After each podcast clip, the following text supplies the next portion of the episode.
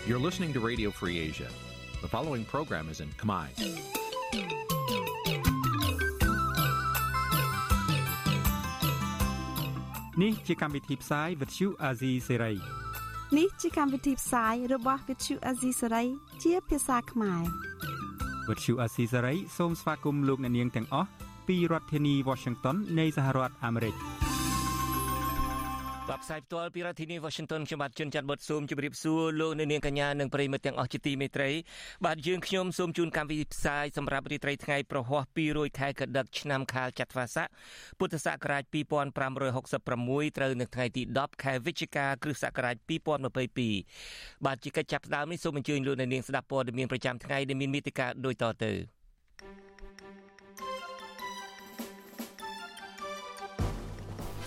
បាទកម្ពុជាបើកកិច្ចប្រជុំកំពូលអាស៊ាននៅថ្ងៃដំបូងដោយទទួលយកប្រទេសអ៊ុយក្រែនជាសមាជិកមិត្តភាពតំបន់អាស៊ីអាគ្នេយ៍អាញាធរក្រុងភ្នំពេញបង្ខំឲ្យយុវជនខ្មែរថាវរៈបញ្ឈប់កោតកម្មបង្អត់អាហារនៅទីលានប្រជាធិបតេយ្យអ្នកឃ្លាំមើលបារម្ភពីឥទ្ធិពលចិនមកលើកម្ពុជាក្រោយរដ្ឋាភិបាលព្រមព្រៀងបង្កើតកម្មវិធីបង្រៀនភាសាចិនក្នុងសាលាចំណេះដឹងទូទៅ សង្គមស៊ីវិលនិងមន្ត្រីបកភ្លើងទៀនស្នើលោកហ៊ុនសែនបញ្ចប់ការសងសឹកគំនុំនយោបាយរួមនឹងព័ត៌មានសំខាន់សំខាន់មួយចំនួនទៀត។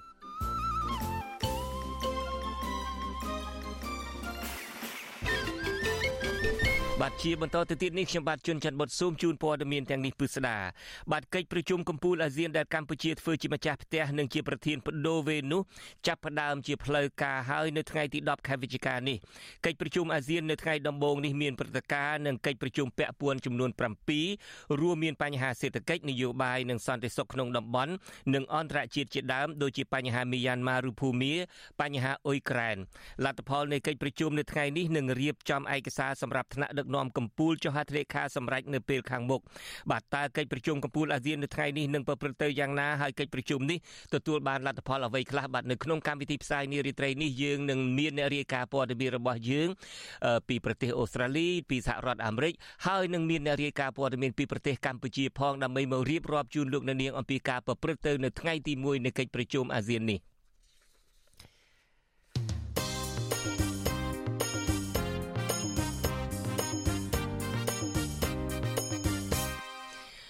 បាទទន្ទឹមគ្នានឹងថ្ងៃបើកកិច្ចប្រជុំកំពូលកិច្ចប្រជុំអាស៊ានលើកទី1ថ្ងៃទី1នៅកម្ពុជានៅក្រុងភ្នំពេញនេះអ្នកខ្លោមើលសង្គមព្រួយបារម្ភពីឥទ្ធិពលរបស់ចិនដែលជ្រាបចូលកម្ពុជាកាន់តែខ្លាំងដែលនឹងធ្វើឲ្យប៉ះពាល់ដល់វប្បធម៌និងអធិបតេយ្យភាពរបស់ជាតិក្តីបារម្ភនេះកើតឡើងបន្ទាប់ពីរដ្ឋាភិបាលកម្ពុជានិងចិនបានចុះកិច្ចព្រមព្រៀងឲ្យបើកកម្មវិធីបង្រៀនភាសាចិនក្នុងកម្មវិធីសិក្សានៃសាលាចំណេះទូទៅចាប់ពីថ្នាក់ទី7ឡើងទៅបាទលោកទីនសាការីយ៉ាមានសេចក្តីរាយការណ៍អំពីរឿងនេះជូនលោកនៅនាងពីរដ្ឋធានី Washington អ្នកខ្លោមើលពីបញ្ហាសង្គមនិងអ្នកជំនាញខាងវិទ្យាសាស្ត្រនយោបាយលើកឡើងថារដ្ឋាភិបាលគួរតែពង្រឹងវប្បធម៌ជាតិឲ្យបានរឹងមាំដើម្បីកុំឲ្យបរដ្ឋងាយនឹងត្រាប់តាមវប្បធម៌បរទេសទាំងលោកខាងកើតនិងលោកខាងលិចពួកគេយល់ថាការដាក់បញ្ចូលភាសាចិននៅក្នុងកម្មវិធីសិក្សាចំណេះដឹងទូទៅគឺបង្ហាញពីឥទ្ធិពលចិនចាក់គ្រឹះកាន់តែខ្លាំងចូលនៅក្នុងសង្គមកម្ពុជា។ ទីប្រឹក្សាសមាគមគ្រូបង្រៀនកម្ពុជាអាយក្រិចនិងជាសមាជិកក្រុមប្រឹក្សាឃ្លាំមើលកម្ពុជាលោករងឈុនប្រាប់វិទ្យុអាស៊ីសេរីនៅថ្ងៃទី10វិច្ឆិកាថាការរដ្ឋាភិបាលដាក់ភាសាចិនក្នុងកម្មវិធីសិក្សាចំណេះដឹងទូទៅ មិនមែនជារឿងល្អនោះទេពីព្រោះនឹងធ្វើឲ្យសិស្សានុសិស្សច្របូកច្របល់ហើយការសិក្សាគ្មានគុណភាពនឹងធ្វើឲ្យអត្តពលរបស់ចិននឹងជ្រាបចូលក្នុងសង្គមកាន់តែខ្លាំងលោកបន្តថាប្រសិនបរដ្ឋាភិបាលចង់ឲ្យកូនខ្មែរចេះភាសាចិន ក្រសួងអប់រំគួរតែបើកសាលាបង្រៀនភាសាចិនដាច់ដោយឡែកហើយសិស្សណាចង់ទៅរៀននោះពួកគេទៅរៀនដោយខ្លួនឯងបានដោយមិនបាច់ដាក់បញ្ចូលក្នុងកម្មវិធីសិក្សាចំណេះទូទៅបែបនេះឡើយ។ វានិយាយទៅគឺជារឿងអធិពលនយោបាយចង់បញ្ជ្រាបនៅវប្បធម៌ក៏ដូចជាអធិពលនយោបាយមកគ្របដណ្ដប់ដល់លើកម្ពុជាយើងពីព្រោះវាមានការប្រកួតប្រជែងនៅក្នុងតំបន់ហើយយើងដឹងហើយថាកម្ពុជាយើងបច្ចុប្បន្ននេះវាស្ថិតនៅក្នុងការប្រជែងភូមិសាស្ត្រនយោបាយផងដែរជាមួយប្រទេស មហាអំណាចនៅក្នុងលោកនឹងដោយករណីនៅតំបន់រៀមនឹងដែលយើងលើព័ត៌មានជារឿយរឿយដែលប្រតិកម្មពីសហរដ្ឋអាមេរិកទៅជាមួយចិនដែលការសាងសង់មូលដ្ឋានតបមូលដ្ឋានអីហ្នឹងប្រតិកម្មរបស់ក្រុមប្រឹក្សាខ្លមើលកម្ពុជានេះធ្វើឡើងបន្ទាប់ពីក្រសួងអប់រំយុវជននិងកីឡានិងស្ថានទូតចិនប្រចាំនៅកម្ពុជាបានចុះហត្ថលេខាអនុសារណៈយោគយល់គ្នានៅចំពោះមុខនាយករដ្ឋមន្ត្រីនៃប្រទេសទាំងពីរនៅរាជធានីភ្នំពេញ កាលពីថ្ងៃទី9វិច្ឆិកាដោយបានព្រមព្រៀងបញ្ចូលភាសាចិននៅក្នុងកម្មវិធីសិក្សាចំណេះដឹងទូទៅ ចាប់ពីថ្នាក់ទី7ដល់ថ្នាក់ទី12ទោះជាយ៉ាងណាការបញ្ជ្រាបឥទ្ធិពលរបស់ចិនមកលើរដ្ឋាភិបាលលហ៊ុនសែនតាមបែបជំនួបទ្វេភាគីនេះភាគច្រើនធ្វើឡើងនៅមុនពេលកិច្ចប្រជុំកំពូលអាស៊ាន និងកិច្ចប្រជុំពាក់ព័ន្ធផ្សេងទៀតដែលមានមេដឹកនាំមហាអំណាចលោកសេរីមកចូលរួមកិច្ចប្រជុំដែរនោះ វិទ្យុអាស៊ីសេរីមិនអាចតាក់ទងអ្នកនាំពាក្យក្រសួងអប់រំយុវជននិងកីឡាលោករស់សូវេចានិងប្រធានអង្គភិបអ្នកនាំពាក្យរដ្ឋាភិបាលលោកផៃស៊ីផានដើម្បីសំសួរអំពីបញ្ហានេះបាននៅឡើយទេនៅថ្ងៃទី10វិច្ឆិកាអ្នកជំនាញខាងវិទ្យាសាស្ត្រនយោបាយនិងតំណែងតំណងអន្តរជាតិលោកអែមសវណ្ណរាលើកឡើងថាការដាក់បញ្ចូលភាសាចិនទៅក្នុងកម្មវិធីសិក្សាចំណេះដឹងទូទៅបែបនេះបង្ហាញឲ្យឃើញថាឥទ្ធិពលរបស់ចិនកាន់តែខ្លាំងជ្រាបចូលក្នុងសង្គមកម្ពុជា ពលគឺមិនខុសពីសម័យសហភាពសូវៀតដែលតម្រូវឲ្យកូនខ្មែររៀនភាសាសូវៀតនិងវៀតណាមនោះទេទោះជាយ៉ាងណាលោកថាការសិក្សាភាសាចិននេះគឺផ្ដល់អត្ថប្រយោជន៍ខ្លះដល់ប្រជារដ្ឋកម្ពុជាដែរដើម្បីផ្លាស់ប្ដូរពាណិជ្ជកម្មរវាងកម្ពុជានិងចិនព្រោះប្រទេសចិនជាទីផ្សារដ៏ធំមួយនៅលើពិភពលោកសម្រាប់ការនាំចេញទំនិញនិងកសិផលផ្សេងៗទៀត នៅខណៈពេលដែលពលរដ្ឋចិនច្រើនជាង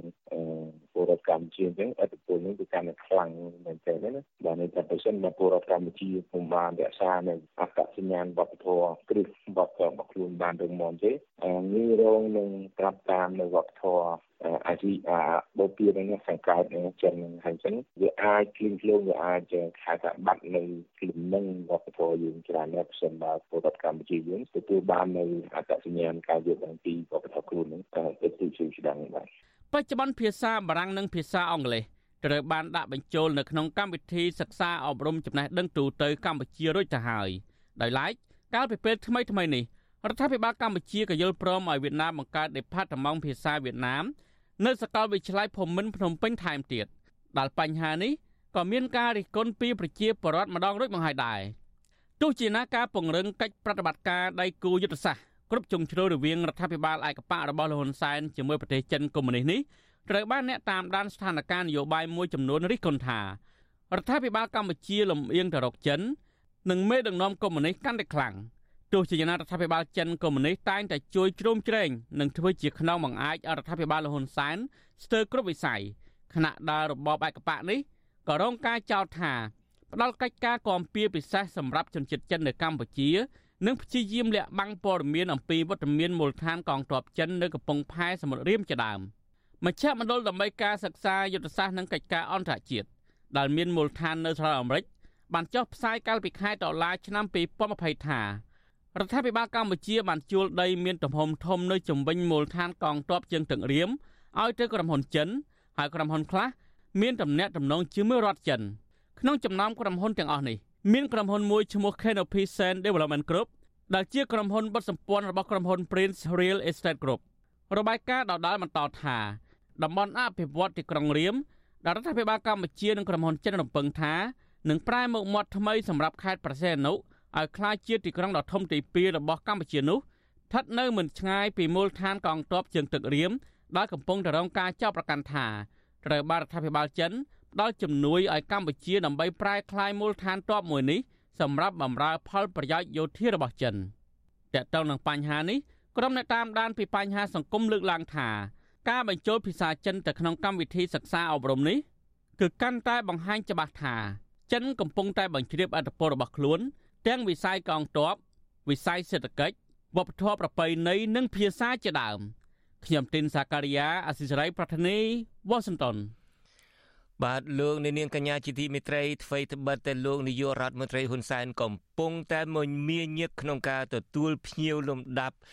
មេដឹកនាំនៃបណ្ដាប្រទេសអាស៊ីអាគ្នេយ៍ព្រមទាំងមេដឹកនាំនៃប្រទេសធំធំមួយចំនួនទៀតនោះលោកក៏មិនភ្លេចឡើយក្នុងការប្រារព្ធពិធីបុណ្យខួបមរណភាពនៃកូនដំបងរបស់លោកដែលលោកហៅថាហ៊ុនកំសត់ហើយនៅក្នុងឱកាសខួបមរណភាពនៃកូនប្រុសរបស់លោកកូនប្រុសច្បងរបស់លោកដែលបាន ស្លាប់ក្នុងរបបខ្មែរក្រហមនោះ លោកក៏បានតាំងចិត្តថាលោកនឹងធ្វើនយោបាយលុបបំបាត់ចោលនយោបាយជ្រុលនិយមពីកម្ពុជា ប្រសាសន៍របស់លោកនាយករដ្ឋមន្ត្រីហ៊ុនសែននេះបានធ្វើឲ្យមន្ត្រីសង្គមស៊ីវិលនិងមន្ត្រីគណៈបកប្រឆាំងមានប្រតិកម្មហើយស្នើឲ្យលោកហ៊ុនសែនដឹកនាំប្រទេសដោយផ្អែកទៅលើគោលការណ៍ច្បាប់និងយកសុខទុក្ខប្រជាពលរដ្ឋជាធំជាពិសេសត្រូវងាកមករកការផ្សះផ្សាបង្រួបបង្រួមជាតិជៀសវាងការយកបញ្ហាផ្ទាល់ខ្លួនគំនុំសងសឹកនយោបាយមកលាយឡំគ្នា បាទពីរដ្ឋធានី Washington អ្នកស្រីសុជីវីមានសេចក្តីរាយការណ៍អំពីរឿងនេះមន្ត្រីសង្គមស៊ីវិលនិងមន្ត្រីគណៈបកភ្លើងទៀនលើកឡើងថាមេដឹកនាំប្រទេសកម្ពុជា គួរតែងាកមកយកចិត្តទុកដាក់ជាមួយប្រជាជននិងរួមគ្នាអភិវឌ្ឍប្រទេសជាតិដោយមិនត្រូវយករឿងផ្ទាល់ខ្លួនមកលាយឡំនៅក្នុងកិច្ចការដឹកនាំប្រទេសនោះឡើយ ក្រុមប្រឹក្សាភិបាលរបស់អង្គការសាមគ្គីភាពកសិករប្រចាំប្រជាណាចក្រកម្ពុជា លោកឌីគុន្ធា ប្រាប់វិទ្យុអាស៊ីសេរីនៅថ្ងៃទី10ខែវិច្ឆិកាថាក្នុងនាមជាអ្នកគ្រប់គ្រងកាន់អំណាចនិងជាមេដឹកនាំប្រទេសមួយរូបលោកហ៊ុនសែនត្រូវបែងចែកឲ្យដាច់រវាងការឈឺចាប់ឬគំនុំផ្ទាល់ខ្លួននិងងាកមកដឹកនាំប្រទេសទៅតាមគោលការណ៍ច្បាប់វិញ។លោកបន្តថាលោកហ៊ុនសែនមានភារកិច្ចសំខាន់សំខាន់ជាច្រើនដែលត្រូវដោះស្រាយ ដោយផ្ដោតលើប្រព័ន្ធច្បាប់គោលនយោបាយនិងសេដ្ឋកិច្ចជាចម្បងទន្ទឹមនឹងនេះលោកថាការយកគំនុំសងសឹកនៅក្នុងផ្លូវនយោបាយលាយឡំជាមួយការដឹកនាំប្រទេសគឺមិនបានផលចំណេញឲ្យកម្ពុជានោះឡើយផ្ទុយទៅវិញមានតែធ្វើឲ្យស្ថានភាពនយោបាយនៅកម្ពុជាកាន់តែអាក្រក់និងបង្កើតជាឧបសគ្គដល់ការអភិវឌ្ឍប្រទេសជាតិលោកឌីគុន្ធាចង់ឃើញអ្នកនយោបាយនៅកម្ពុជាងាកមកផ្សះផ្សាគ្នា ដើម្បីកសាងនិងអភិវឌ្ឍប្រទេសជាតិជំនួសឲ្យការវាយប្រហារគ្នាទៅវិញទៅមក។ធ្វើម៉េចធ្វើការផ្លាស់ប្ដូរផ្នត់គំនិតខ្លួនឯងជាមុនបន្ទាប់មកគឺការផ្លាស់ប្ដូរផ្នត់គំនិតរបស់សកម្មជនសហគ្រាសរបស់ខ្លួនហ្នឹងធ្វើម៉េចឲ្យប្រឈប់អាវប្បធម៌សាបព្រោះជេរគ្នាតកើតទំនាស់បញ្ហាវាមើលទៅរហូតដល់ជនរួមជាតិឬពលរដ្ឋសកម្មក្នុងប្រទេសដែលបានបងពុនឲ្យរដ្ឋមានដង្ហើមដកហ្នឹងគាត់ធុញថប់ដែរណាលោកហ៊ុនសែននៅថ្ងៃទី10ខែវិច្ឆិកា បានបង្ហោះរូបភាពនិងសារខួបមរណភាពកូនច្បងរបស់លោកឈ្មោះហ៊ុនកំសត់ដែលបានស្លាប់ក្រោយពេលកើតនៅក្នុងរបបខ្មែរក្រហមនៅស្រុកមេមត់កាលពីឆ្នាំ1976នៅថ្ងៃខួប46ឆ្នាំនេះទោះបីជាចំពេលកម្ពុជាកំពុងរៀបចំកិច្ចប្រជុំកំពូលអាស៊ានលើកទី40និង41ក្តីក៏លោកហ៊ុនសែនបានសរសេរបង្ហោះថាទឹកភ្នែករាប់លានដំណក់របស់លោកបន្ទាប់ពីបាត់បង់កូន តែងតែដាស់តឿនលោកឲ្យបន្តការខិតខំលុបបំបាត់ចោលនយោបាយជ្រុលនិយមគ្រប់ប្រភេទនិងពីគ្រប់ប្រភពឲ្យអស់ពីកម្ពុជា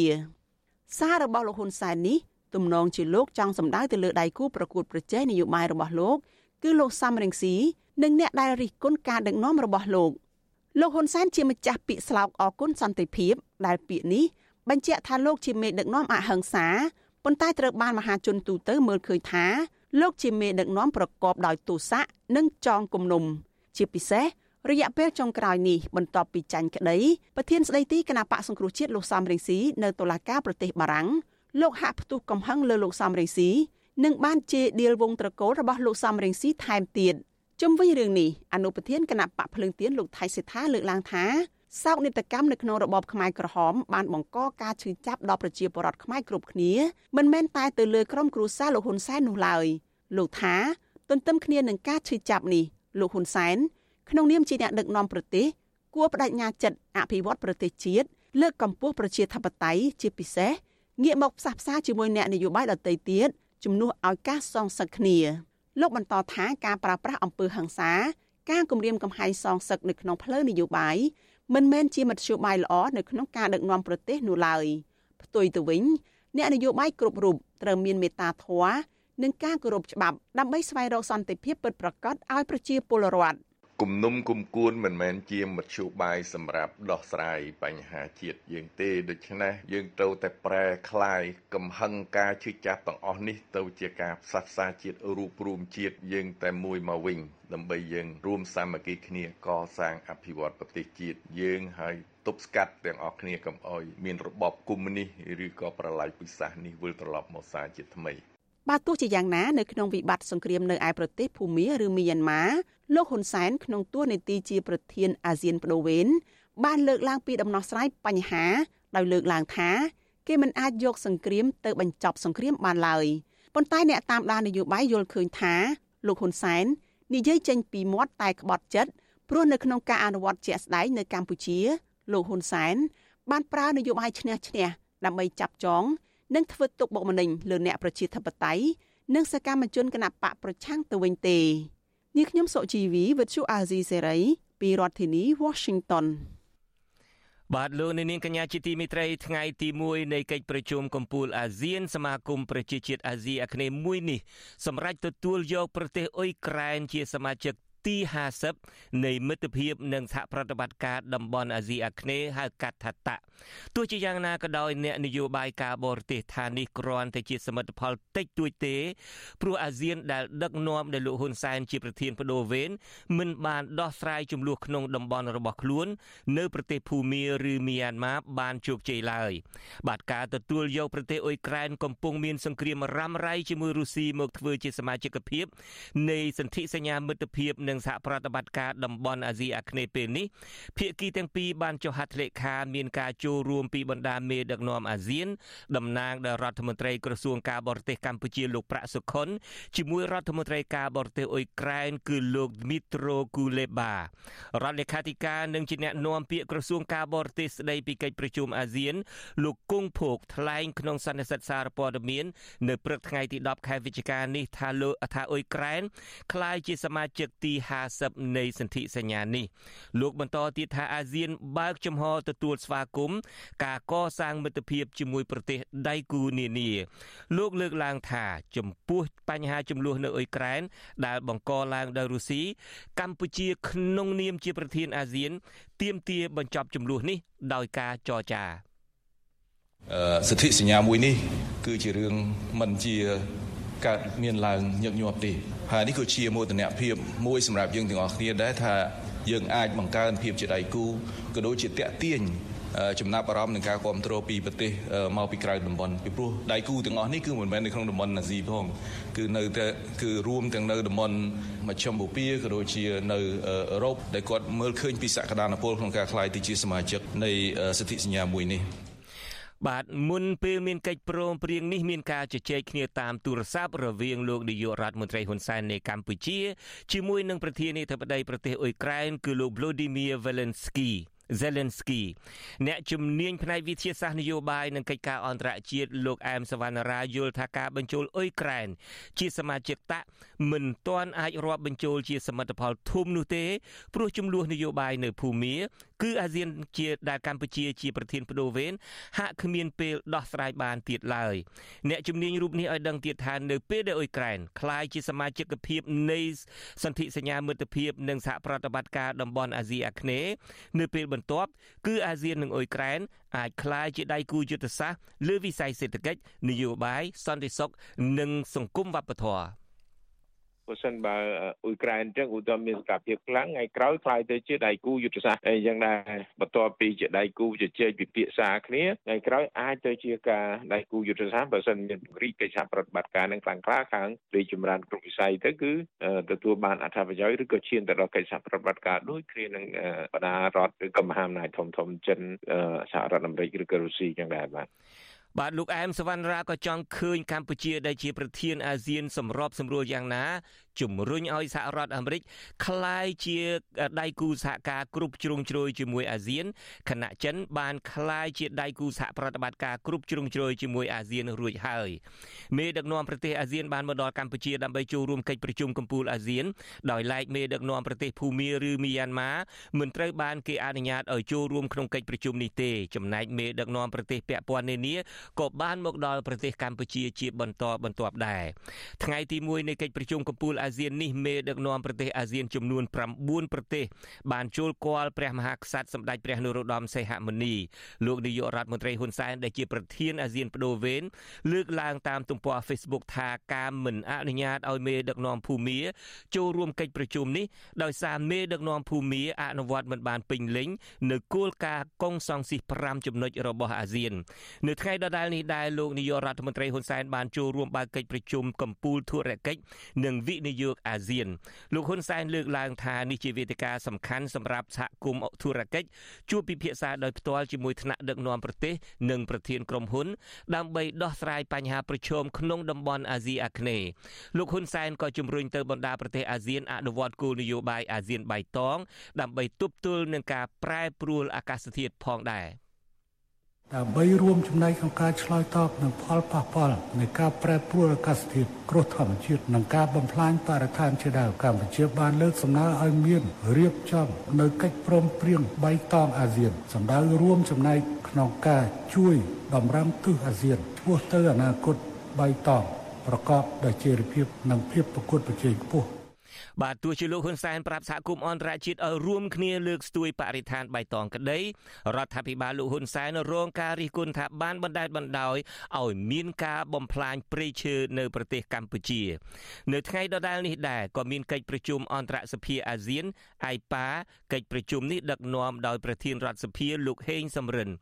ចំណែកលោកនាយករដ្ឋមន្ត្រីហ៊ុនសែនក្នុងនាមជាប្រធានអាស៊ានបដូវវេនក៏ចូលរួមកិច្ចប្រជុំនេះដែរកិច្ចប្រជុំនេះគឺដើម្បីពង្រីកកិច្ចសហប្រតិបត្តិការក្នុងសមាគមអាស៊ានក្នុងគោលបំណងរួម របស់អាស៊ាន គឺសន្តិភាពស្ថិរភាពនិងអភិវឌ្ឍកិច្ចប្រជុំកំពូលអាស៊ានចាប់ផ្ដើមពីថ្ងៃទី10ដល់ថ្ងៃទី13ខែវិច្ឆិកាមានកិច្ចប្រជុំកិច្ចមានកិច្ចប្រជុំរួមមានកិច្ចប្រជុំកំពូលអាស៊ាន លើកទី40និង41កិច្ចប្រជុំកំពូលអាស៊ានចិនលើកទី25កិច្ចប្រជុំកំពូលអាស៊ានជប៉ុនលើកទី25កិច្ចប្រជុំកំពូលអាស៊ាន សាធារណរដ្ឋកូរ៉េខាងត្បូងលើកទី23កិច្ចប្រជុំកំពូលអាស៊ានបូក3លើកទី25កិច្ចប្រជុំកំពូលរំលឹកខួប30ឆ្នាំនៃទំនាក់ទំនងសន្តិនិកអាស៊ានឥណ្ឌាកិច្ចប្រជុំកំពូលអាស៊ានសហរដ្ឋអាមេរិកលើកទី10កិច្ចប្រជុំកំពូលអាស៊ានអូស្ត្រាលីលើកទី2កិច្ចប្រជុំកំពូលរំលឹកខួបនៃទំនាក់ទំនងអាស៊ានកាណាដាកិច្ចប្រជុំកំពូលអាស៊ានអង្គការសហប្រជាជាតិនិងកិច្ចប្រជុំកំពូលអាស៊ីបូព៌ាអាស៊ានបូព៌ាលើកទី17បាទជាបន្តទៅទៀតនេះខ្ញុំបាទនឹងមានកិច្ចសម្ភាសមួយជាមួយនឹងអ្នករាយការណ៍ព័ត៌មានរបស់យើងប្រចាំតំបន់អាស៊ីប៉ាស៊ីហ្វិកគឺលោកថាថៃដើម្បីរៀបរាប់ជូនលោកនាងអំពី ដំណើរការនៃកិច្ចប្រជុំកម្ពុជាអាស៊ានលើកទី1ដែលកំពុងតែចាប់ផ្ដើមនៅប្រទេសកម្ពុជានៅក្រុងភ្នំពេញនេះបាទសូមជម្រាបសួរលោកថាថៃពីចម្ងាយបាទបាទសូមជម្រាបសួរលោកជុនច័ន្ទបតនិងសូមជម្រាបសួរដល់ប្រិយមិត្តអ្នកស្ដាប់របស់វិទ្យុអាស៊ីសេរីផងដែរបាទបាទលោកនៅតំបន់នឹងស្រាប់រួចហើយតើបានតាមដានសាច់រឿងអីខ្លះតើកិច្ចប្រជុំកម្ពុជាអាស៊ានថ្ងៃនេះប្រព្រឹត្តទៅយ៉ាងណាហើយទទួលបានលទ្ធផលអីខ្លះហើយដែលតាមលោកតាមដានដឹងបាទសូមអញ្ជើញ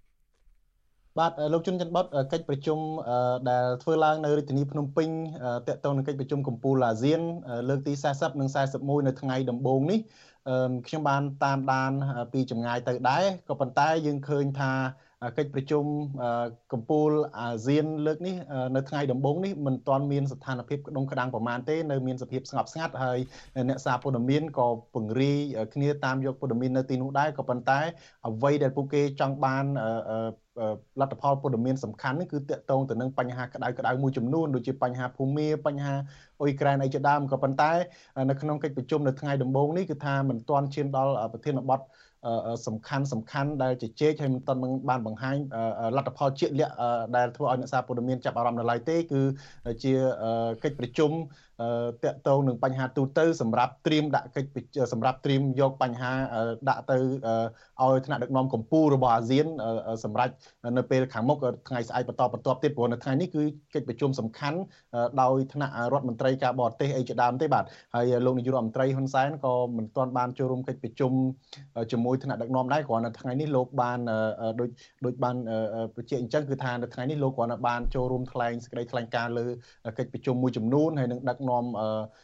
ថ្នាក់ដឹកនាំកម្ពុជាកម្ពុជារបស់អាស៊ានទៅចូលគល់ព្រះមហាក្សត្រហើយលោកក៏ចូលរួមថ្លែងសេចក្តីថ្លែងការណ៍មួយចំនួនហើយក៏បញ្ចប់ទៅចំណែកឯកិច្ចប្រជុំដែលសំខាន់នៅថ្ងៃនេះនឹងគឺមានគឺដឹកនាំដោយរដ្ឋមន្ត្រីក្រសួងការបរទេសនិងសហប្រតិបត្តិការអន្តរជាតិកម្ពុជាគឺលោកប្រាក់សុខុនដោយលោកដឹកនាំកិច្ចប្រជុំក្រុមប្រឹក្សាសម្របសម្រួលអាស៊ានលើកទីលើកទីសំទោសដឹកនាំ កិច្ចប្រជុំក្រុមប្រឹក្សាសហគមន៍នយោបាយនិងសន្តិសុខអាស៊ានលើកទី25ដែលមានការពិនិត្យឡើងទៅលើបញ្ហាមួយចំនួននៅក្នុងតំបន់ក៏ដូចជាបញ្ហាអន្តរជាតិផងដែរបាទអឺស្ថានភាពនៃកិច្ចប្រជុំនេះតាមលទ្ធផលមួយចំនួនដែលបានបង្ហាញដោយអ្នកនាំពាក្យនៃកិច្ចប្រជុំកម្ពុជាកិច្ចប្រជុំកម្ពុជាអាស៊ានដោយលោកគង់ភោគដែលទៅនឹង បង្ហាញអំបញ្ញមិញនេះគឺថាលទ្ធផលនៃកិច្ចប្រជុំកម្ពុជាអាស៊ាននឹងបានសម្រេចមួយចំនួនដូចជាលោកជំនាញបុតបានរៀបរាប់មិញហើយគឺថាមានការទទួលយកប្រទេសអ៊ុយក្រែនជាសមាជិកនៃសន្ធិសញ្ញាមិត្តភាពនិងកិច្ចសហប្រតិបត្តិការនៅតំបន់អាស៊ីអាគ្នេយ៍ហើយប៉ុន្តែក៏មានបញ្ហាមួយចំនួនទៀតដូចជាប្រទេសអេស្ប៉ាញនៅមិនទាន់បានចុះហត្ថលេខានៅឡើយហើយតាក់ទងនឹងការទទួលយកប្រទេសទីម៉ូខាងកើតសម្រាប់ជាអឺ សមាជិកអាស៊ានទី11ហ្នឹងក៏មិនទាន់បានធ្វើនៅឡើយដែរដោយសារតែប្រទេសទីម៉ូនៅមិនទាន់បានបំពេញលក្ខខណ្ឌមួយចំនួនបាទដែលហើយប៉ុន្តែយ៉ាងណាក៏ដោយជំហររបស់កម្ពុជា គឺចង់ឲ្យអាស៊ានឆាប់ទទួលយកទីម៉ូនឹងជាសមាជិកអាស៊ានទី11ហើយ ប៉ុន្តែដោយសារតែសមាជិកអាស៊ានផ្សេងទៀតមិនទាន់យល់ព្រមហើយកំពុងស្ថិតនៅក្នុងការវិតម្លៃទៅលើលក្ខណៈសម្បត្តិរបស់ប្រទេសទីម៉ូខាងកើតតើមានលក្ខខណ្ឌគ្រប់គ្រាន់ហើយឬនៅក្នុងការទទួលយកជាសមាជិកអាស៊ានទី11នឹងបាទក្រៅពីនឹងគឺ ក៏មានកិច្ចសន្ទនាតាក់ទងទៅនឹងបញ្ហាមីយ៉ាន់ម៉ាដែរដែលជាបញ្ហាដែលអ្នកសារព័ត៌មានចាប់អារម្មណ៍ហ្នឹងក៏ប៉ុន្តែលោកគង់ភោគមិនបានបង្ហាញអំពីបញ្ហាជាក់លាក់តើតើអ្វីដែលមានគំនិតថ្មីឬក៏គំនិតសំខាន់ដើម្បីដោះស្រាយបញ្ហាមីយ៉ាន់ម៉ាទេដោយលោកថា នៅស្ថិតនៅលើឯកសារនៅឡើយហើយត្រៀមដាក់ទៅខាងមេដឹកនាំកម្ពុជាអាស៊ានសម្រាប់ប្រជុំនៅថ្ងៃស្អែកបន្ទាប់ទៀតប៉ុន្តែយ៉ាងណាក៏ដោយលោកជឿជាក់ថាកិច្ចប្រជុំទាក់ទងនឹងបញ្ហាមីយ៉ាន់ម៉ានេះអាចមានរឿងអាចមានគំនិតថ្មីខ្លះដែរដើម្បីធ្វើយ៉ាងណាឲ្យមានការដោះស្រាយពន្លត់បញ្ហាមីយ៉ាន់ម៉ាហ្នឹងដើម្បីឲ្យមានបញ្ហាសន្តិភាពឬក៏មានស្ថិរភាពឡើងវិញអឺ លោកជឿជាក់បែបនេះក៏ប៉ុន្តែយ៉ាងណាក៏ដោយហាក់ដូចជាមិនទៅណាឆ្ងាយអំពីកង់សង្ស៊ី5ចំណុចគោលការណ៍5ចំណុចដែលអាស៊ានធ្លាប់ដាក់ចេញឲ្យភូមាអនុវត្តកន្លងមកនោះទេអឺតកតងនេះហាក់ដូចជាអឺបញ្ហាមីយ៉ាន់ម៉ាដែលអ្នកវិភាគមើលឃើញថានៅតែពិបាកក្នុងការពន្លត់ដដែលបើទោះបីជាកម្ពុជាមានសង្ឃឹមបែបនេះក៏ដោយពីព្រោះអ្នកជំនាញមើលចង់ឲ្យកម្ពុជាអឺ ជាប្រធានអាស៊ាននឹងមានវិធានការច្បាស់លាស់ជាងនេះដូចជាសម្រាប់ផ្ដាច់ទំនាក់ទំនងទាំងស្រុងតែម្ដងទៅដល់មីយ៉ាន់ម៉ាឬក៏ឈប់គុំទទួលស្គាល់ប្រកាសទទួលស្គាល់នៅក្រមគណៈក្រមខាងលោកស្រីអង្សានសុជីក្រមដែលដែលដែលជាអ្នកជាប់ឆ្នោតហើយបដិសេធគ្រប់គ្រងផ្ដាច់ទំនាក់ទំនងទាំងស្រុងតែម្ដងទៅលើរបបសឹកភូមិ ហើយទន្ទឹមនឹងនឹងក៏ចង់ឲ្យមានការដាក់ទណ្ឌកម្មតែម្ដងក៏ប៉ុន្តែយ៉ាងណាក៏ដោយ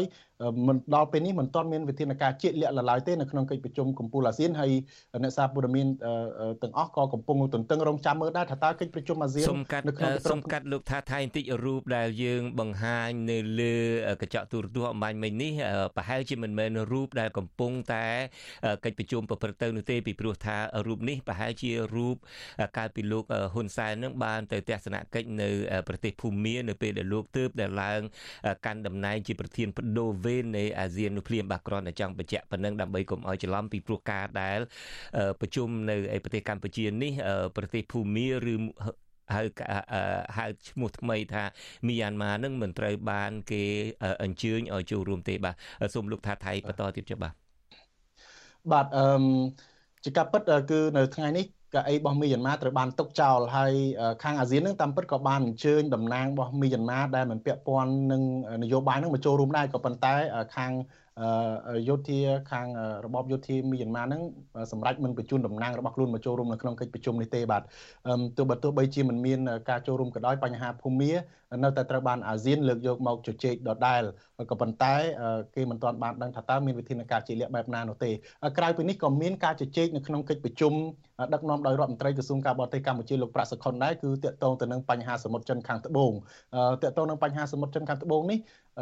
គឺអាស៊ានពិនិត្យទៅលើឯកសារពាក់ព័ន្ធមួយចំនួនកន្លងមកហើយមិនដឹងថាតើនៅក្នុងអាណត្តិថ្មីទៀតដែលជារឿងរ៉ាវយូររ៉ាំរ៉ៃនៅក្នុងតំបន់អាស៊ានដែលធ្វើឲ្យសមាជិកអាស៊ានមួយចំនួនប្រឈមនឹងការបែកបាក់គ្នាដោយសារតែចំនួនចិនសមុទ្រចិនខាងត្បូងនេះតើមកដល់ឆ្នាំនេះអាចនឹងមានការជជែកឲ្យឈានដល់ដំណោះស្រាយបែបណានោះទេបាទពីព្រោះកន្លងមកកម្ពុជាធ្លាប់ទទួលរងការរិះគន់ម្ដងហើយថាជាអ្នកដែល ជួយផ្ដល់ព័ត៌មានសម្ងាត់ទៅឲ្យចិនហើយទីបំផុតចិនបានរាំងខ្ទប់មិនឲ្យចេញសេចក្តីថ្លែងការណ៍រួមពាក់ព័ន្ធនឹងសមុទ្រចិនខាងត្បូងពីព្រោះប៉ះប៉ះពាល់ដល់ផលប្រយោជន៍ចិនអឺក្រៅពីបញ្ហានេះក៏មានការជជែកច្រើនដែរតាក់ទងទៅនឹងបញ្ហានៅក្នុងតំបន់របស់ខ្លួន គឺតាក់ទងទៅនឹងបញ្ហាអ ுக ្រិតកម្មបច្ចេកវិទ្យាបញ្ហាការជួញដូរមនុស្សការប្រឆាំងជាមួយនឹងបញ្ហាគ្រឿងញៀនជាដើមពីព្រោះដូច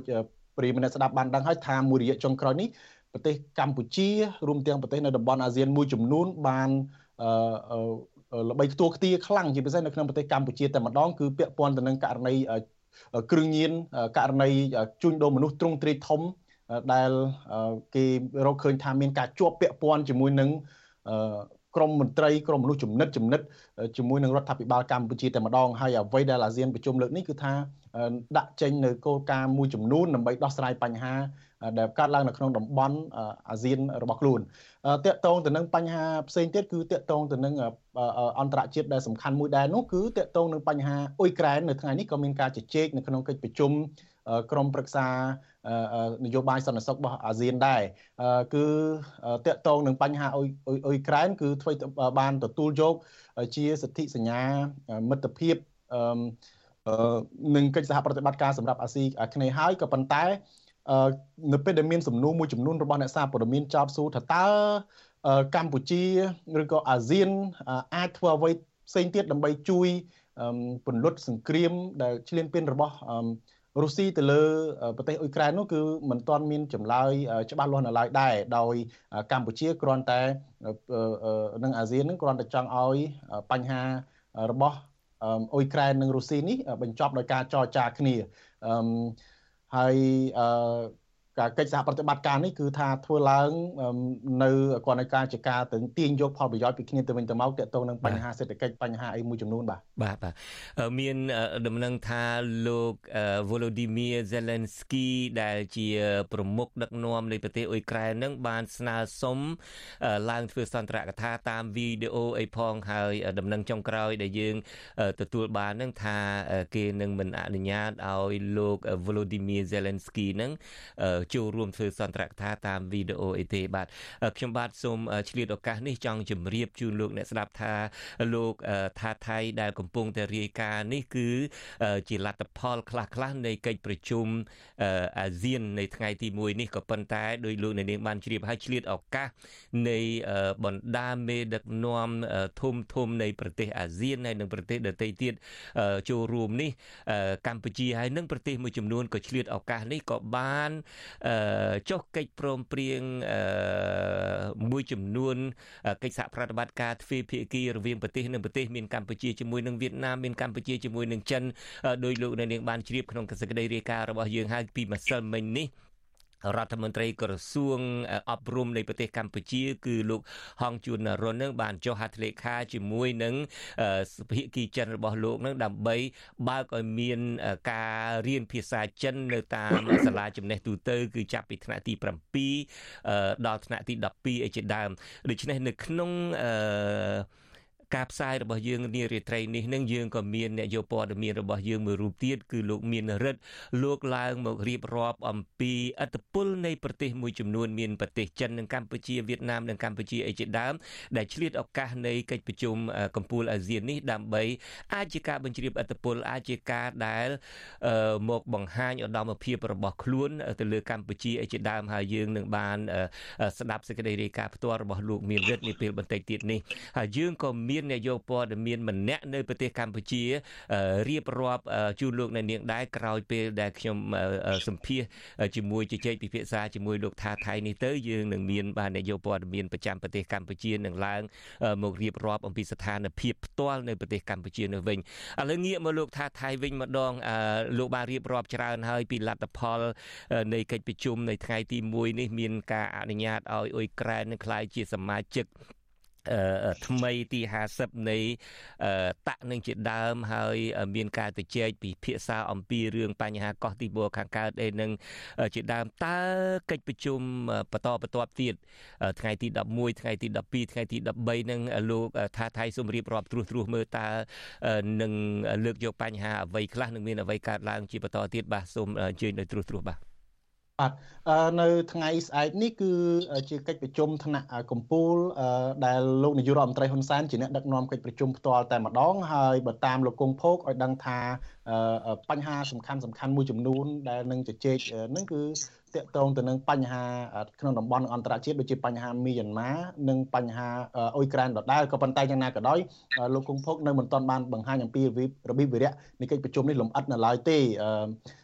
ដោយលោកថានៅព្រឹកស្អែកគឺលោកនឹងធ្វើសន្និសីទកសែតខ្លីមួយទៀតដើម្បីបង្ហាញអំពីរបៀបវិរៈនៃកិច្ចប្រជុំនោះក៏ប៉ុន្តែនៅថ្ងៃស្អែកកិច្ចប្រជុំនេះអាចក្រៅពីកិច្ចប្រជុំកម្ពុជាអាស៊ាននឹង ក៏នឹងមានកិច្ចប្រជុំពាក់ព័ន្ធមួយចំនួនជាមួយនឹងដៃគូរបស់អាស៊ានដូចជាអាចពាក់ព័ន្ធនឹងកិច្ចប្រជុំអាស៊ានចិនកិច្ចប្រជុំជាមួយនឹងអាស៊ានជប៉ុនអាស៊ានកូរ៉េហើយបន្ទាប់មកទៀតក៏នឹងមានកិច្ចប្រជុំជាមួយនឹង សហរដ្ឋអាមេរិកនៅថ្ងៃបន្តបន្ទាប់ទៀតគឺចាប់ពីថ្ងៃទី12ដល់ថ្ងៃទី13នឹងមានកិច្ចប្រជុំសំខាន់សំខាន់ផ្សេងទៀតដែលគេចង់ដឹងចង់លើដែរគឺកិច្ចប្រជុំកម្ពុជាអាស៊ានអាមេរិកនិងកិច្ចប្រជុំអាស៊ីបូព៌ាដែលមាន18ប្រទេសចូលរួមបាទ បាទអរគុណលោកថាថៃដែលបានរៀបរាប់យ៉ាងក្បោះក្បាយនៅអ្វីដែលលោកបានតាមដានកើតឡើងនៅថ្ងៃទី1នៅប្រទេសកម្ពុជាសូមជម្រាបលាលោកថាថៃតែប៉ុណ្ណេះហើយស្អែកបើមានអ្វីថ្មីទៀតយើងនឹងអញ្ជើញលោកថាថៃឡើងមករាយការណ៍ម្ដងទៀតបាទអរគុណនៃជម្រាបលាអញ្ជើញចូលគេងចុះយប់ជ្រៅណាស់ហើយនៅឯទីក្រុងមែលប៊នបាទ បាទសូមអរគុណបាទសូមជម្រាបលាបាទបាទបាទបាទលោកនាងកញ្ញាជាទីមេត្រីដូចខ្ញុំបាទបានជម្រាបជាបន្តទៅទៀតនេះយើងនឹងមានអ្នករាយការណ៍ព័ត៌មានមួយរូបដែលនឹងឡើងមករាយការណ៍ជូនលោកនាងពីប្រទេសកម្ពុជាហើយអ្នករាយការណ៍ព័ត៌មាននេះមិនមែនជាអ្នកធ្វើការឲ្យវិទ្យុអាស៊ីសេរីទេគាត់គឺជាអ្នកកាសែតជើងចាស់មួយរូបធ្លាប់ធ្វើការឲ្យវិទ្យុសម្លេងប្រជាធិបតេយ្យ VOD អឺហើយឥឡូវនេះលោកคลายទៅជានាយកប្រតិបត្តិនៃសមាគមសម្ព័ន្ធអ្នកសារព័ត៌មានកម្ពុជាហៅកាត់ថាកម្ពុជានោះគឺលោកណុកវីបាទខ្ញុំបាទសូមជម្រាបសួរលោកណុកវីពីចម្ងាយបាទអឺសូមជំរាបជំរាបសួរលោកជុនច័ន្ទបុតបាទ បាទលោកណុកវីប្រហែលថ្ងៃមុននេះសប្បាយជាមួយលោកណុកវីសម្បើមណាស់ឃើញលោកណុកវីធ្វើដំណើរ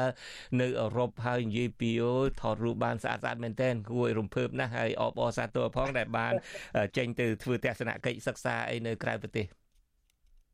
បាទលោកជុនច័ន្ទបុតតាមពិតទៅខ្ញុំបានត្រូវបានផ្ដល់ឱកាសឲ្យចូលរួមនៅក្នុងសន្និសិទ កម្រិតពិភពលោកមួយដែលយើងនិយាយអំពីសวัสดิភាពសម្រាប់អ្នកសារព័ត៌មានហើយគឺជាវេទិកាមួយដែលមានសារៈសំខាន់ណាស់សម្រាប់អ្នកសារព័ត៌មាននៅក្នុងពិភពលោកខណៈដែលប្រទេសអូស្ត្រាបានរៀបចំ ឲ្យមានវេទិកានេះហើយមានរដ្ឋាភិបាលច្រើនប្រទេសណាលោកជុនច័ន្ទបុតដែលបានអញ្ជើញទៅចូលរួមដោយមានរដ្ឋមន្ត្រីក្រសួងការបរទេសគេហ្នឹងគឺទៅចូលរួមដើម្បីបង្ហាញអំពីការបដិញ្ញាចិត្តរបស់រដ្ឋាភិបាលនៃជាពិសេសគឺរដ្ឋាភិបាលនៅប្រទេសអឺរ៉ុបហ្នឹងនៅក្នុងការដាក់ចេញនៅសកម្មភាពជាក់លាក់ក៏ដូចជាការផ្ដល់នៅមូលនិធិផ្សេងផ្សេងដើម្បីផ្ដល់នៅការការពារសុវត្ថិភាពសម្រាប់អ្នកសារព័ត៌មាននៅក្នុងពិភពលោកទាំងមូលហើយនេះគឺជាវេទិកាមួយដែលល្អមែនទែនដោយខ្ញុំបានពីប្រទេសកម្ពុជា គឺបានចូលរួមនៅក្នុងការស្ដាប់អំពីការបដិញ្ញាចិត្តរបស់រដ្ឋាភិបាលពីបណ្ដាប្រទេសមួយចំនួន ជាពិសេសគឺបណ្ដាប្រទេសប្រជាធិបតេយ្យហើយនិងបណ្ដាប្រទេសដែលទទួលបាននៅការដាក់ចំណាត់ថ្នាក់ផ្នែកសេរីភាពសារព័ត៌មាន នៅក្នុងពិភពលោកនេះបានល្អប្រសើរដូចខ្ញុំបានលើកឡើងគឺជាពិសេសគឺប្រទេសនៅសហភាពអឺរ៉ុបហើយនិងសហរដ្ឋអាមេរិកអីចឹងជាដើមបាទ បាទអរគុណលោកណូវីហើយលោកត្រឡប់មកប្រទេសកម្ពុជាវិញនឹងក៏អឺកម្ពុជានឹងក៏មានកិច្ចប្រជុំធំមួយដែរខ្ចីលោកណូវីជួយរាយការណ៍ព័ត៌មានបន្តិចមើលថាតើស្ថានភាពទូទៅជាពិសេសតកតងនឹងអឺវិស័យព័ត៌មាននៅប្រទេសកម្ពុជានៅក្នុងកិច្ចប្រជុំនេះវាមានស្ថានភាពយ៉ាងណាដែរអ្វីដែលលោកអាចរៀបរាប់បានដែលហេតុតែយើងអាស៊ីសេរីនឹងដោយលោកជ្រាបហើយមិនមានអ្នករាយការណ៍ព័ត៌មានទេសូមខ្ចីរាយការណ៍ឲ្យប្រជាពលរដ្ឋបានដឹងពីក្នុងប្រទេសបន្តិចមកលោកណូវីបាទជាការកត់សម្គាល់របស់ខ្ញុំផ្ទាល់នៅក្នុងអឺជំនួបកម្ពុជានៃថ្នាក់ដឹកនាំបណ្ដាប្រទេសអាស៊ានហើយនឹងថ្នាក់ដឹកនាំនៃប្រទេសមហាអំណាចនៅលើពិភពលោកយើងឃើញមានការចូលរួមរបស់ថ្នាក់ដឹកនាំប្រទេសចិនការចូលរួមរបស់ថ្នាក់ដឹកនាំសហរដ្ឋអាមេរិក រួមមាននាយករដ្ឋប្រធានាធិបតីនៅប្រទេសកូរ៉េខាងត្បូង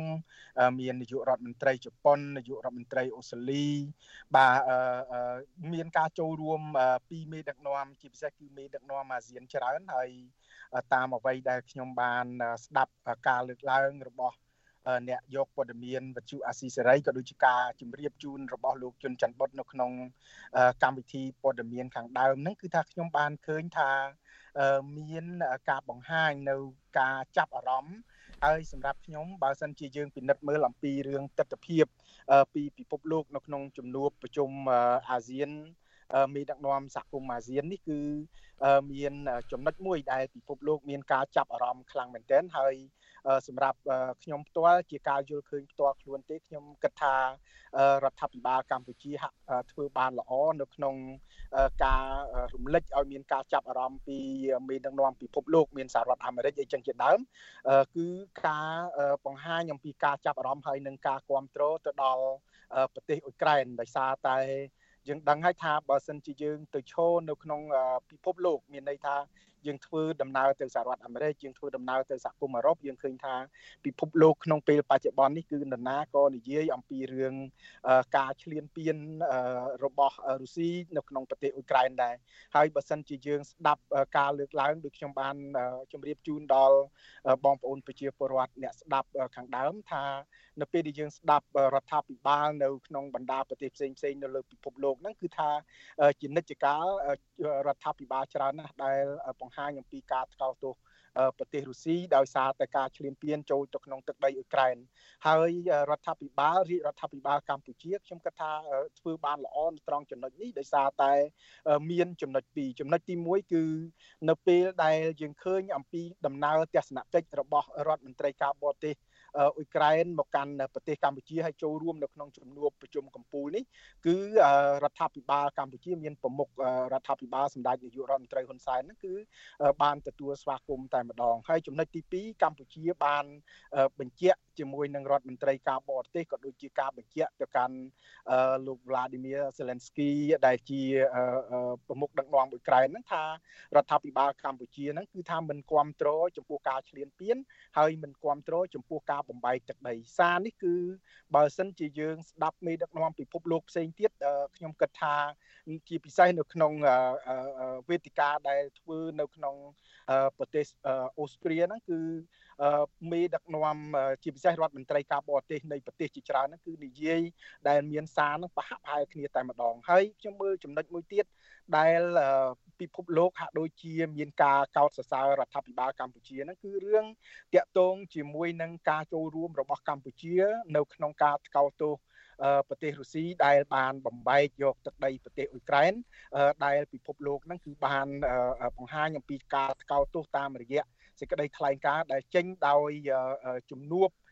មានន័យថាជាជាកិច្ចប្រជុំ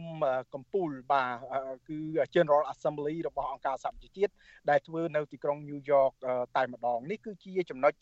សំខាន់ពីរដែលខ្ញុំមានការចាប់អារម្មណ៍ហើយចំណុចមួយទៀតដែលបើសិនជាយើងពិនិត្យអំពីទស្សនវិជ្ជានៃការរៀបចំជំនួបមេដឹកនាំអាស៊ានលើកទី40 41នេះយើងឃើញថា នៅក្នុងប្រទេសកម្ពុជាហាក់ដូចជាមានការរៀបចំ រួមទាំងការរឹតបន្តឹងផ្នែកសន្តិសុខសុវត្ថិភាពហ្នឹងគឺថាមានការរៀបចំហាក់ដូចជាបានល្អច្រើនបើសិនជាការសង្កេតជាទូទៅដោយគំនិតខ្លួនខ្ញុំទេ ការរៀបចំបាននៅក្រុងភ្នំពេញលោកលោកនុវីសុំកាត់លោកបន្តិចនៅក្រុងភ្នំពេញនឹងមានការរដ្ឋបិទចរាចរណ៍អីនឹងច្រើនទេឬមួយក៏គ្រាន់តែ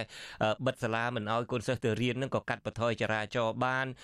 បុគ្គលិកមន្ត្រីរាជការនឹងក៏ឲ្យឈប់សម្រាកទៅក៏ជួយកាត់បន្ថយបានដែរឬមួយក៏មានការរដ្ឋបិទអីបិទចរាចរណ៍អីពេញណាពេញណីដែរបាទអឺខ្ញុំឃើញរឿងទីទាំងពីរដែលលោកជុនច័ន្ទបុតបានជម្រាបជូននេះគឺអ្វីដែលរដ្ឋាភិបាលបានដាក់ចេញជាចំណាត់ការរួចហើយហើយចំណុចមួយទៀតខ្ញុំបានឃើញមានការដាក់ពង្រាយជាកងកម្លាំងដែរជាពិសេសគឺនៅតាមបណ្ដាផ្លូវមួយចំនួននៅ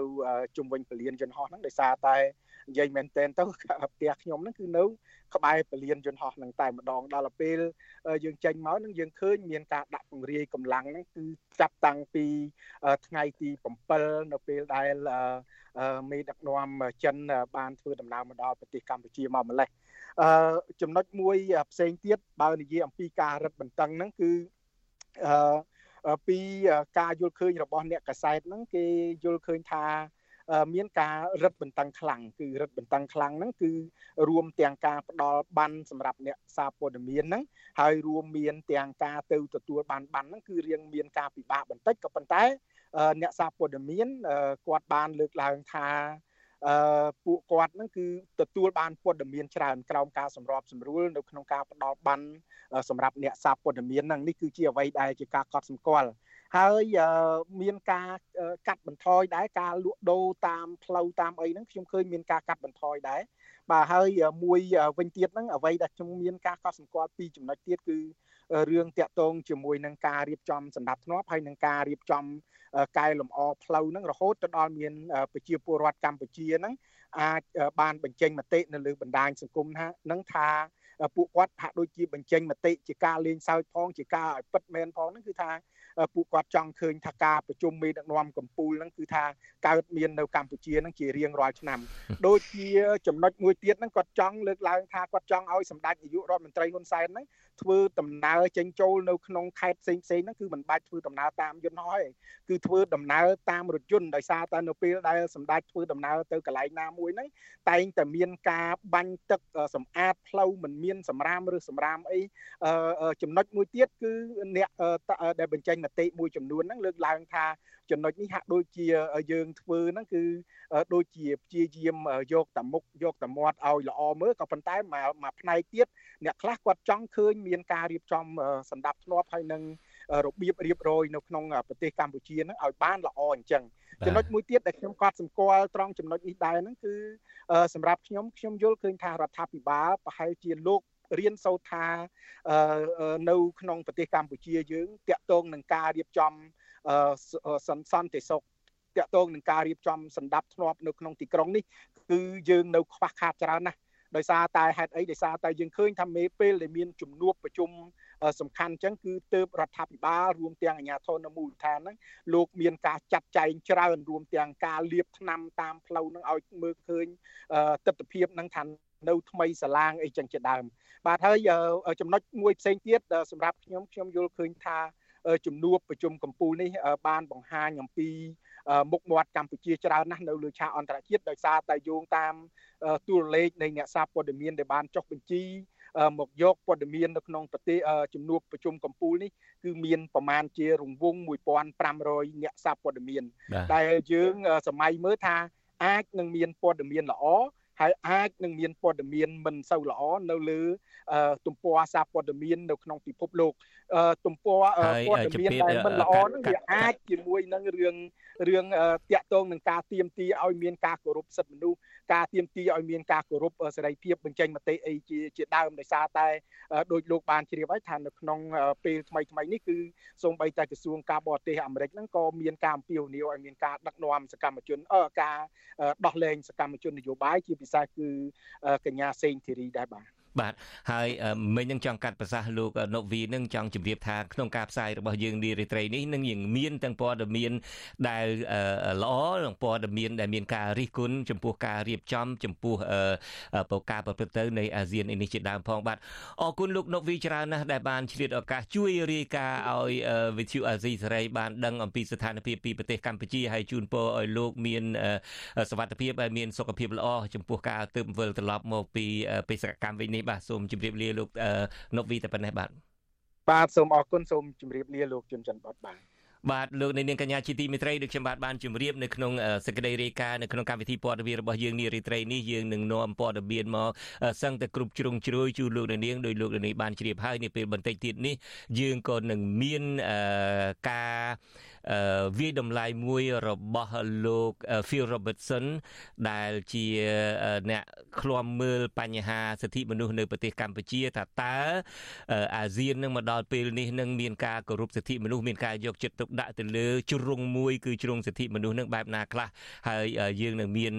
ការរាយការណ៍ផ្ទាល់របស់លោកយ៉ងច័ន្ទតារាដែលលោកបានជួបសម្ភាសផ្ទាល់ជាមួយនឹងលោក Phil Robertson ក៏ប៉ុន្តែជាបន្តទៅទៀតនេះខ្ញុំបាទនឹងមានអញ្ជើញលោកអ្នកនាងស្ដាប់សេចក្តីរាយការណ៍ផ្ទាល់មួយទៀតរបស់លោកមានរិទ្ធលោកមានរិទ្ធបានចំណាយពេលប្រមាណថ្ងៃនេះក្នុងការពិនិត្យមើលគ្រប់ជ្រុងជ្រោយតាក់ទងទៅនឹងតើអាស៊ាននឹងនឹងលើកយកបញ្ហាអ្វីខ្លះមកដោះស្រាយតើប្រទេសមួយចំនួនមានប្រទេសចិនមានប្រទេសវៀតណាមអីនឹងឆក់ឱកាសនេះនឹងបញ្ជ្រាបអធិពលរបស់ខ្លួនមកយ៉ាងណាដូច្នេះដើម្បីកុំឲ្យខាតពេលខ្ញុំសូមអញ្ជើញលោកមានរិទ្ធដែលនៅអង្គុយក្បែរខ្ញុំនេះរាយការណ៍ផ្ទាល់តែម្ដងបាទមានសួរលោកមានលោកច័ន្ទវត្តបាទតើអ្វីខ្លះទៅដែលជាក្តីរំពឹងនិងជាប្រធានបទសំខាន់សំខាន់ដែលក្រមមេដឹកនាំ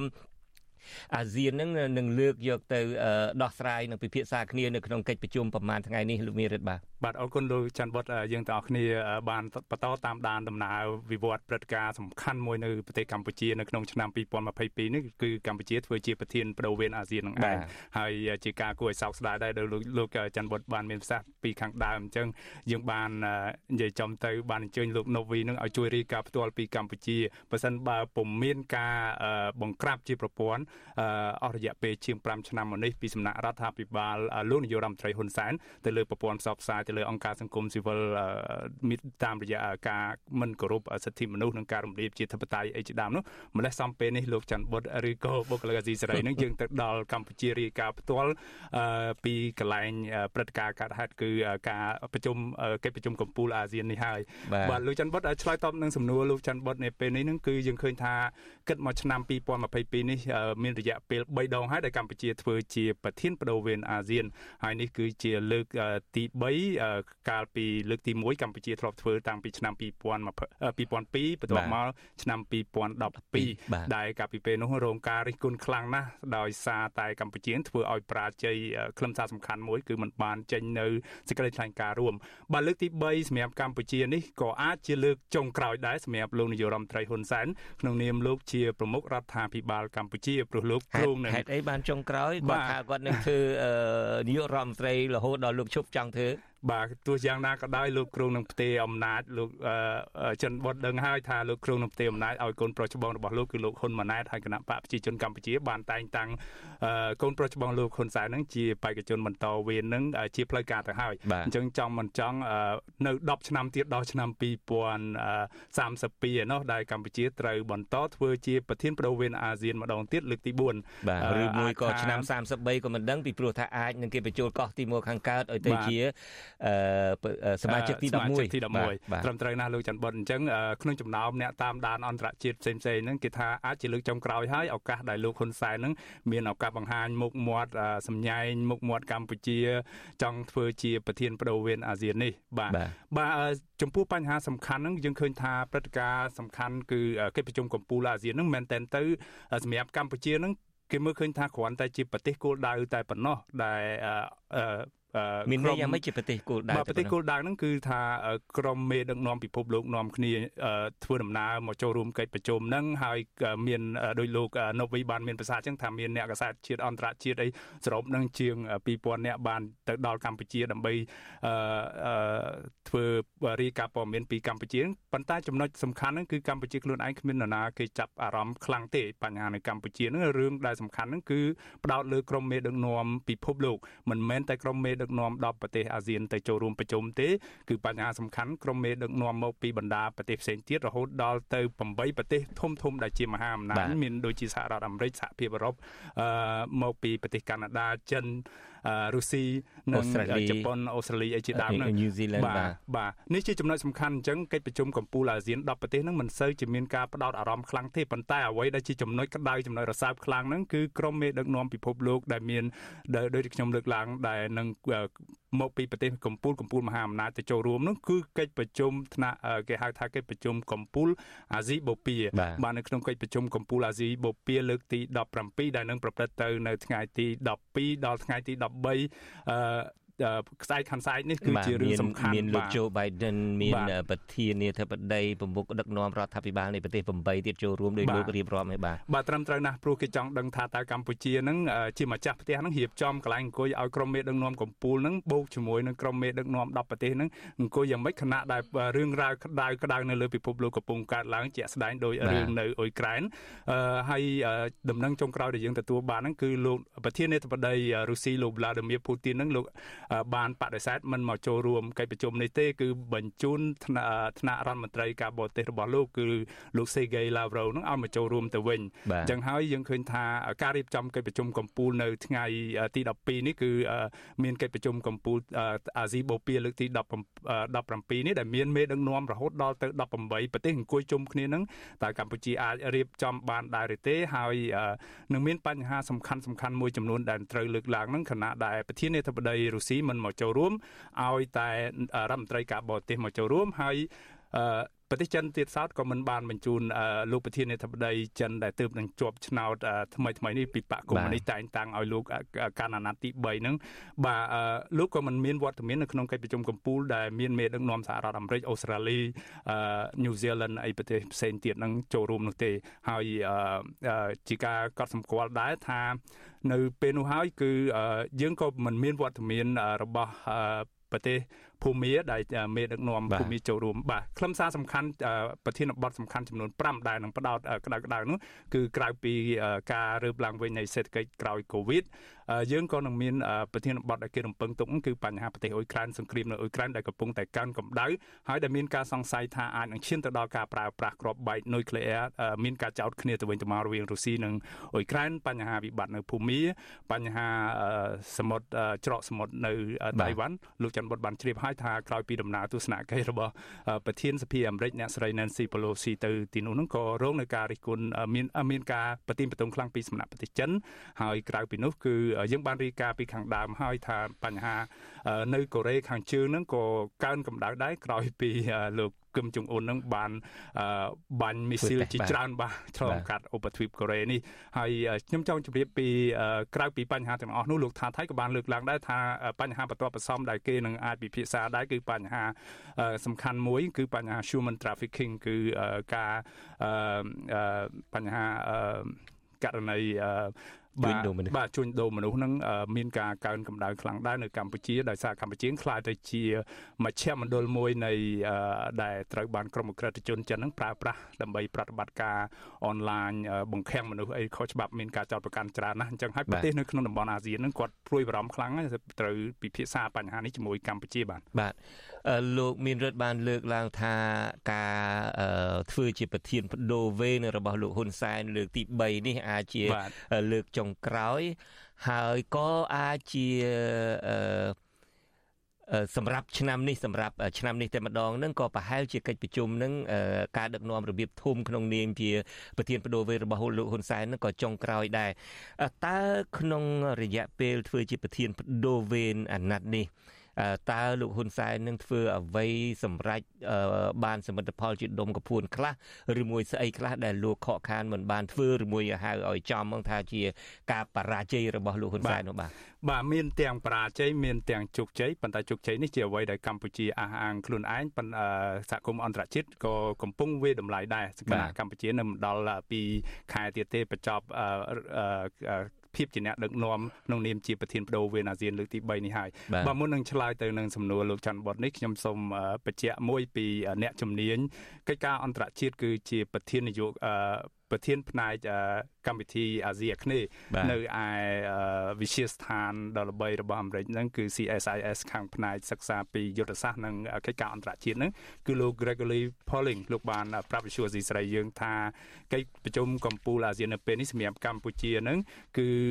អ្វីដែលខ្លួនចង់បានបំផុតហ្នឹងគឺចង់យកតែមករួចខ្លួនទេពេលនេះនៅសល់តែមិនដល់2ខែទៀតទេនឹងបញ្ចប់ហើយចឹងធ្វើម៉េចឲ្យបានរួចខ្លួនទៅជៀសវាងការរិះគន់ពីសហគមន៍អន្តរជាតិដោយការពីឆ្នាំ2012ជុំទិសនោះបាទហើយពេលដែលរួចខ្លួនទៅ